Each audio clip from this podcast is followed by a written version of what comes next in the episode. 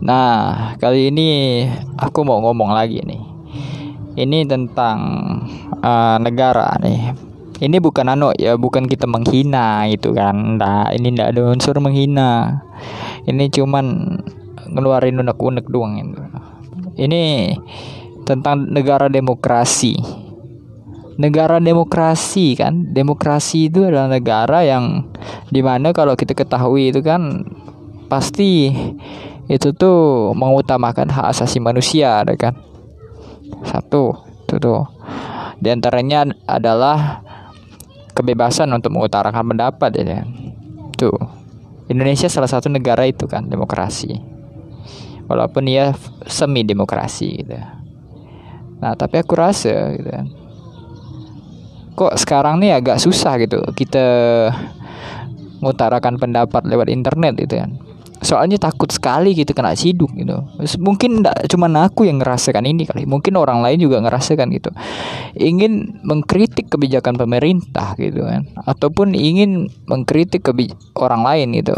Mengkritik atau ya pokoknya itulah mengkritik lah. Ingin mengkritik sesuatu tapi takut kena pasal gitu. Itu tuh kan gimana ya? Apakah Indonesia ini benar-benar negara demokrasi atau enggak sih aku cuman itu. Aku cuma aku jujur aku dari udah lama mendam ini. Soalnya aku ke setiap ngelihat kebijakan pemerintah ini rasanya ku kritik gitu ya. Tapi aku takut. Aku takut kena penjara gitu ya. Aku takut kena ini itu. Karena sekarang nih ada yang namanya UIT walaupun UIT itu sebenarnya untuk dagang untuk orang-orang scammer apa segala macam itu tapi kenapa gitu? Lalu ujaran kebencian juga. Sebenarnya untuk apa gitu? Sekarang orang kayak Najwa Sihab kemarin itu kan itu kan kena laporkan itu? Kena laporkan lah kok bisa dilaporin itu Najwa Sihab itu kan? Padahal apa salahnya juga itu ya ya kebe kita kan bebas juga untuk berekspresi gitu. Dia mungkin mewawancarai kursi kosong itu karena kekecewaannya juga gitu kan? Dia merasa kecewa ke mana itu? Pak Tit misalnya itu kan. Sensor namanya itu kan. Nah misal kayak gitu. Ataupun dia kecewa dengan kenapa kok sistem di Indonesia ini kayak gini? gitu. Nah tapi tetap kena juga gitu. Kok bisa gitu? Padahal kalau di Amerika itu lebih ekstrim lagi sebenarnya kalau memang mau mengkritik kebijakan pemerintah ya atau mau mengkritik suatu instansi atau siapa pun itu di Amerika itu ekstrem. Ini aku aku berkaca sendiri. Aku udah tiga hari itu sering sering nonton uh, channel-channel stasiun televisi di Amerika itu beritanya. Asli nekat sekali sumpah. Mereka tuh luar biasa. Sumpah di sana tuh.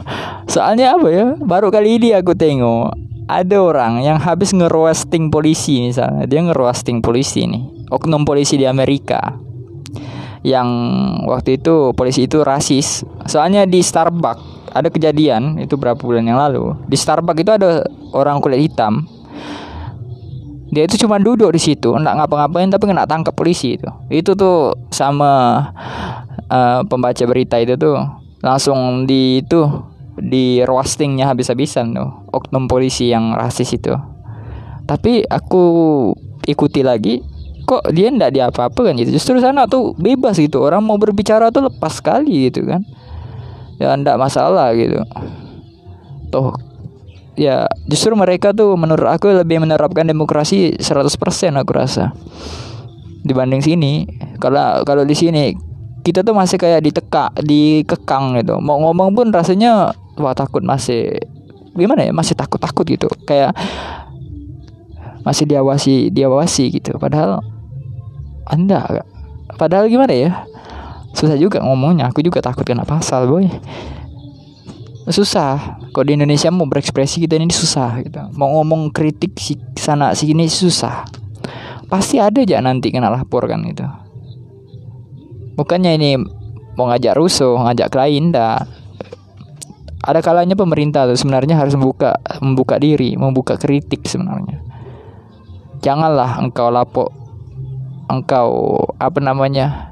kalau ada misal ada kritik-kritikan dari masyarakat janganlah engkau anggap itu itu itu tuh seba, anggaplah sebagai masukan itu jangan jangan anggap wah ini nih nggak bisa nih harus dianu nih harus diusut nih nggak usah jangan gitu kayak kemarin ada yang DPR kasus DPR itu kan yang gimana tuh? Yang baru-baru ini tuh yang jual DPR jual gedung DPR itu di online shop itu kan. Itu tuh sebenarnya menurut aku nggak perlu diusut itu. Nggak perlu dicari siapa yang yang buat itu. Nggak perlu sebenarnya menurut aku. Itu sebenarnya adalah salah satu bentuk ekspresi kekecewaan suatu rakyat terhadap instansi itu. Kenapa kebijakannya kok kayak gitu misalnya? Itu tuh kayak gitu. Sebenarnya itu tuh bentuk-bentuk kayak sarkas gitu sindiran sih. Ke mana aja sih gitu. Instansi ini kok kenapa begini gitu? Sekali ngeluarin kebijakan kok begini gitu. Seharusnya jadikan masukan jadikan koreksian itu. Kalau ada kritikan masyarakat itu jangan dianggap serius lah. Jadikan kok itu aja jadikan masukan ya per, ya jadikan sebagai mana ya. Kau tuh misal kayak aku misal kayak aku lah mengkritik misalnya. Kenapa sih Indonesia pakai sistem banking education misalkan kayak begini begini begini atau apa apa gitu kan? Nah pemerintah seharusnya jadikan itu sebagai acuan. Wah berarti ini nih keliru gitu kan apalagi kalau udah banyak masyarakat yang mengkritik dengan perkara hal yang sama itu sebenarnya harus diperbaiki. Itu sebenarnya udah keli udah gimana ya pemerintah tuh harus memperbaiki segera gitu. Nggak bisa biarin gitu aja apalagi sampai ngelaporin rakyat sendiri itu. Enggak sih maksudnya tuh ada langsung orang tuh main sekali kritik langsung kena ciduk itu enggak boleh juga sebenarnya.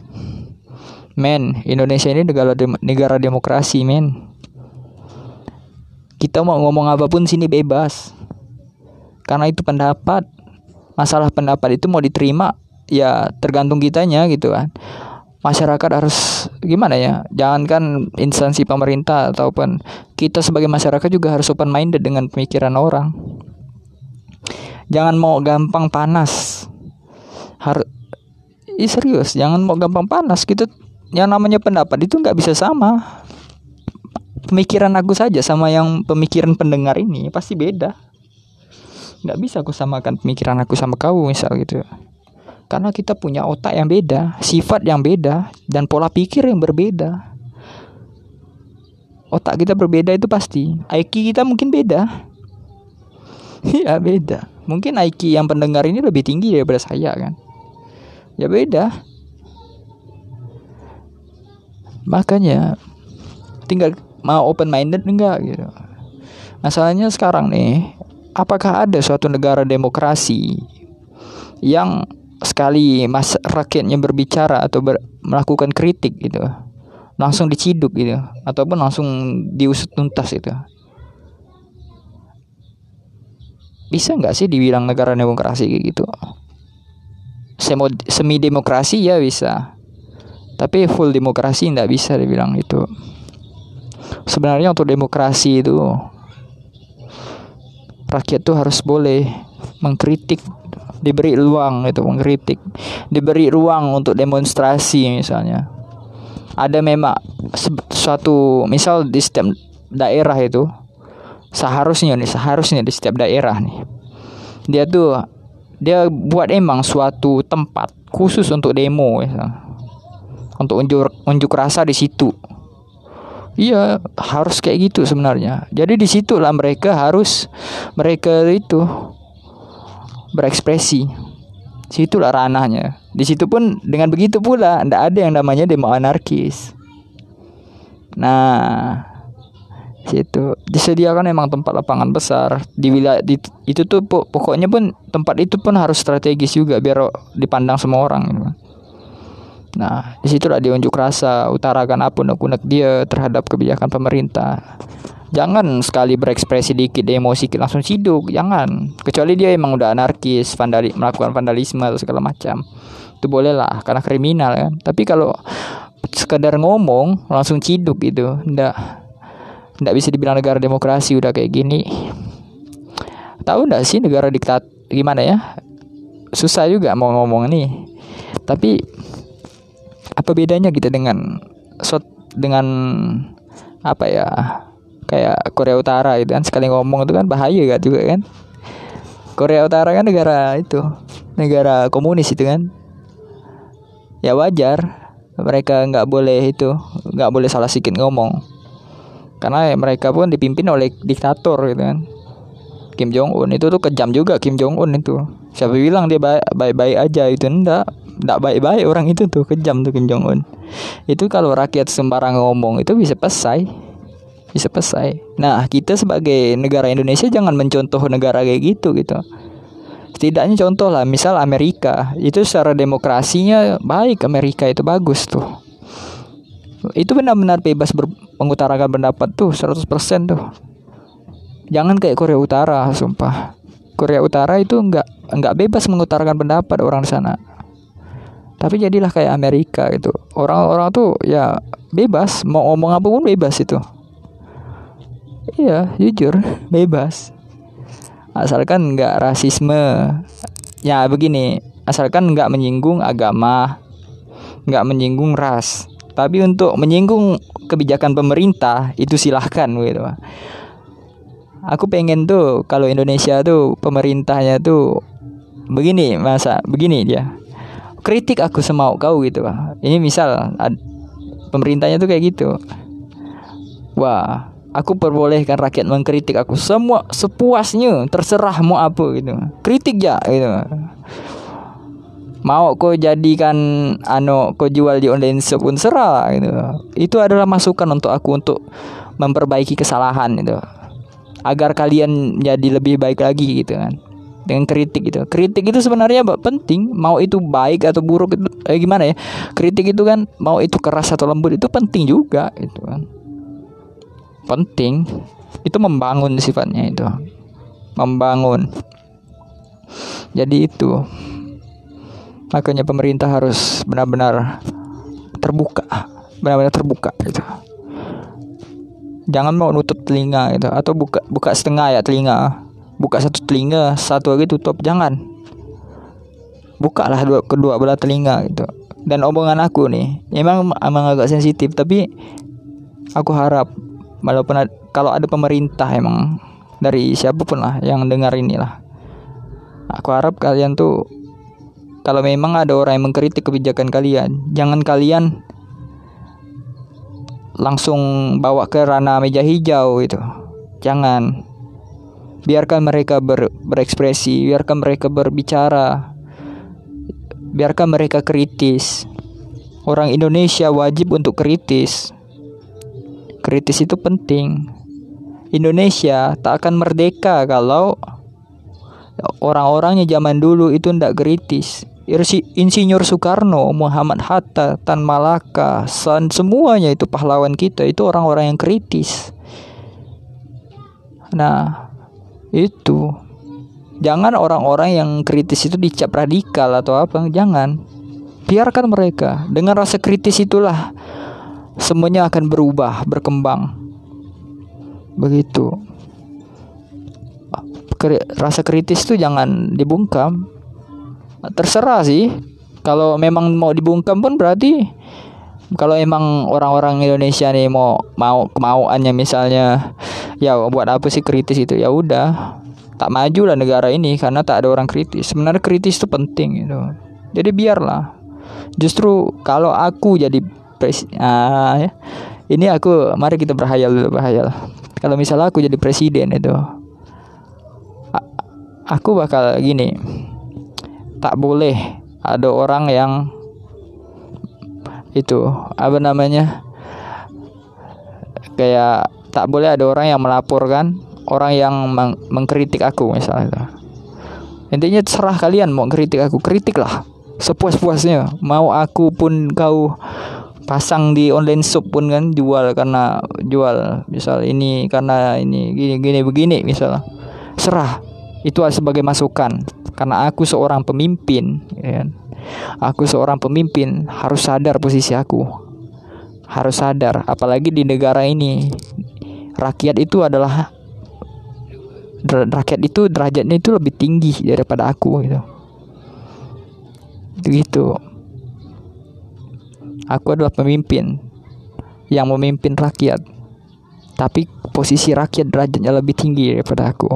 Aku bukanlah apa-apa dibanding rakyat gitu misal. Jujur ya kalau aku jadi presiden sih bakal kayak gitu. Kalau ada orang mau kritik aku ya serah. Kalau ada orang yang mau menghina aku terserah. Aku jadikan itu masukan. Masukan untuk aku. Aku tak akan bilang itu makar. Aku tak akan bilang karena beda makar sama kritik tuh beda. Kalau sekedar kritik dibilang makar itu luar biasa. Luar biasa. Ya gimana ya makar itu kan bukot itu dalam bahasa dalam bahasa Arab kan bukot. Dalam artian itu kayak mau melengsarkan. Tapi kalau sekedar kritik kebijakan itu bukan makar namanya.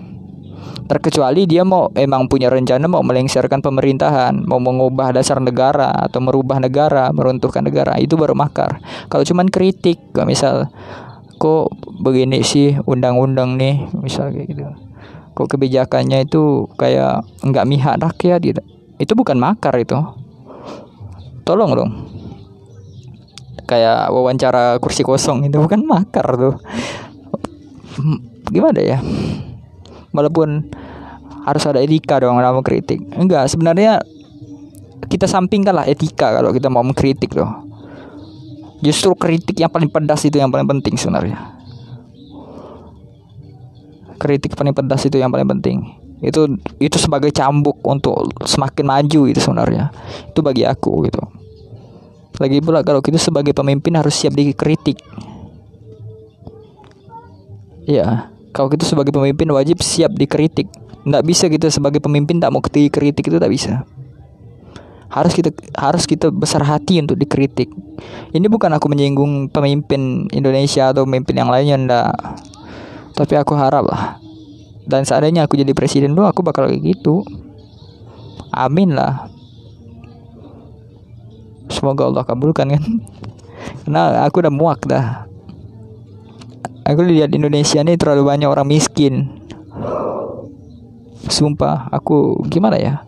Ketika aku lihat ketika aku jalan-jalan itu kan jangan jalan-jalan di kota aku lah aku lihat ya Allah masih banyak orang-orang yang mendorong gerobak ada yang mengut sampah jadi itu ini itu. Ada yang tidur di bawah ano di tong sampah. Mana keadaan sosial nih aku rasa kayak gitu. Mau nangis aku nengoknya sumpah. Ada yang untuk bertahan hidup tuh sakit benar kayak aku lihat. Kenapa bisa kayak gini gitu kok bisa? Aku ingin mengubah itu semuanya. Aku ingin memberantas kemiskinan begini juga sih. Indonesia ini sebenarnya apa lagi lah yang kurang. Apalagi yang kurang aku tanya. Tidak ada yang kurang. Semuanya itu lebih. Indonesia negara besar. Kita kalau mau maju kita harus bisa berdikari. Sebenarnya jangan minta orang luar negeri. Jangan minta orang luar negeri untuk ngurus uh, aset-aset negara kita jangan. Kita bisa sendiri gitu. Putuskan kerjasama semua walaupun ini nekat. Tapi kita bisa berdikari gitu. Berdiri dengan kaki sendiri. Freeport, Freeport sana kalau kita manfaatkan kita keluarkan lah WNA tuh kan bukannya rasis ini bukan xenofobik bukan kita keluarkan kita ambil tenaga kerja dari orang kita sendiri gitu di salah sana orang Papua orang Papua sendiri ataupun orang Indonesia sendiri orang Papua kan orang Indonesia juga ya dari itulah. Orang Indonesia termasuk Papua atau segala macam kan. Jadi mereka karyawan. Itu kan buka lapangan pekerjaan baru. Nah lalu di setiap sekolah juga kurikulumnya harus di itu diwajibkan. Semuanya itu jadi pengusaha. Kalau itu diterapkan Indonesia bakal jadi negara industri terhebat tuh. Iya, ada kurikulum atau mata pelajaran. Nanti siswa-siswa yang SMA, SMA, SMK itu diwajibkan semua, termasuk mahasiswa juga kuliah. Ada mata kuliah yang soalnya ataupun dari SD itu ada satu pelajaran sampai dia kuliah pun akan dipelajari itu terus dipelajari itu tentang kewirausahaan bagaimana trik marketing atau segala macam kalau SD itu dasar-dasar dulu lah SMP begitu tapi tujuannya sama mencetak pengusaha-pengusaha baru di Indonesia. Jangan hanya mau jadi mental mental karyawan. Sebenarnya itu. Lalu nanti dikasih modal tuh. Kalau udah lulus misal dikasih modal nih usaha ini. Misal kayak gitu. Seharusnya kayak gitu. Indonesia kalau menerapkan itu bakal jadi negara industri yang terhebat lah. Tapi sayangnya kita masih tidak bisa lepas dari orang luar gitu. Dalam artian tidak bisa lepas dari ceng cengkraman cengkraman itulah. Kayak negara-negara tetangga itu kan yang nanam investasi gitu ini. Seharusnya kalau kita bisa melepaskan dari mereka tuh memang ini nekat sih. Tapi itu kebijakan yang luar biasa tuh. Kalau emang berhasil itu Indonesia bakal jadi super power tapi tidak kepikiran oleh mereka gitu iya itu tidak kepikiran bagi mereka. Sayangnya di situ. Indonesia bisa jadi super power tuh. Tapi itulah. Ini suka-suka aku ya mau bahas-bahas kayak gini ya. Serah aku lah. Intinya kalau kita negara demokrasi biarkanlah semua orang mau. Kalau kita emang hidup di negara demokrasi untuk pemerintahannya aku mau aku mau kan? Terima aja pendapat rakyat. Apa pun itu. Dan sebagai untuk pemimpin juga sebagai pemimpin kita tak boleh tutup telinga. Kita harus terima pendapat rakyat. Karena kita memimpin itu memang memang sudah seharusnya kita dikritik. Kalau misalnya karena itulah peng, kritik itulah. Atau hina, hina hinaan dari rakyat itulah sebagai reminder untuk kita pengingat kalau kita melakukan kesalahan. Rakyat akan mengkritik kalau kita tidak melakukan kesalahan. Begitu. Dan untuk menjadi super power jangan mengandalkan jangan mengandalkan kalau begini jangan mengandalkan investasi dari luar gitu. Apa ad, kenapa enggak kita mengurus rumah kita sendiri gitu tanpa harus bantuan dari orang lain gitu udah copot semua batalkan semua itu semua. Emang ini gampang emang diomongkan sih. Kalau dipraktikkan bakal susah karena bakal banyak banyak segala macam. Tapi kenapa? Ndak coba gitu. Kita berdikari. Gagasan Soekarno itu ada mas itu. Kenapa ndak kita kaji ulang itu berdikari itu? Kita terapkan gitu. Aku yakin pasti bisa. Aku kalau aku jadi presiden tuh bakal gagasan Soekarno itu bakal aku terapkan lagi yang berdikari itu. Pokoknya ndak ada investasi asing tuh ndak ada. Pokoknya semuanya orang Indonesia yang ngurus. Begitu. Baik itu perusahaan baik itu apa segala macam. Dan tenaga kerja dari Indonesia wajib. Justru orang luar yang mau kerja di sini akan aku sakitkan. Dalam artian akan banyak persyaratan-persyaratan yang pasti akan susah untuk mereka kerja di sini gitu akan susah sekali. Kita bisa maju. Indonesia misalnya kan kita tidak perlu mengandalkan produk-produk dari Cina misalnya. Tapi kita bisa produk-produk dari Indonesia ini. Sebenarnya cinta eh ini topik podcast selanjutnya untuk besok. Oke aku rasa cuma ini sih.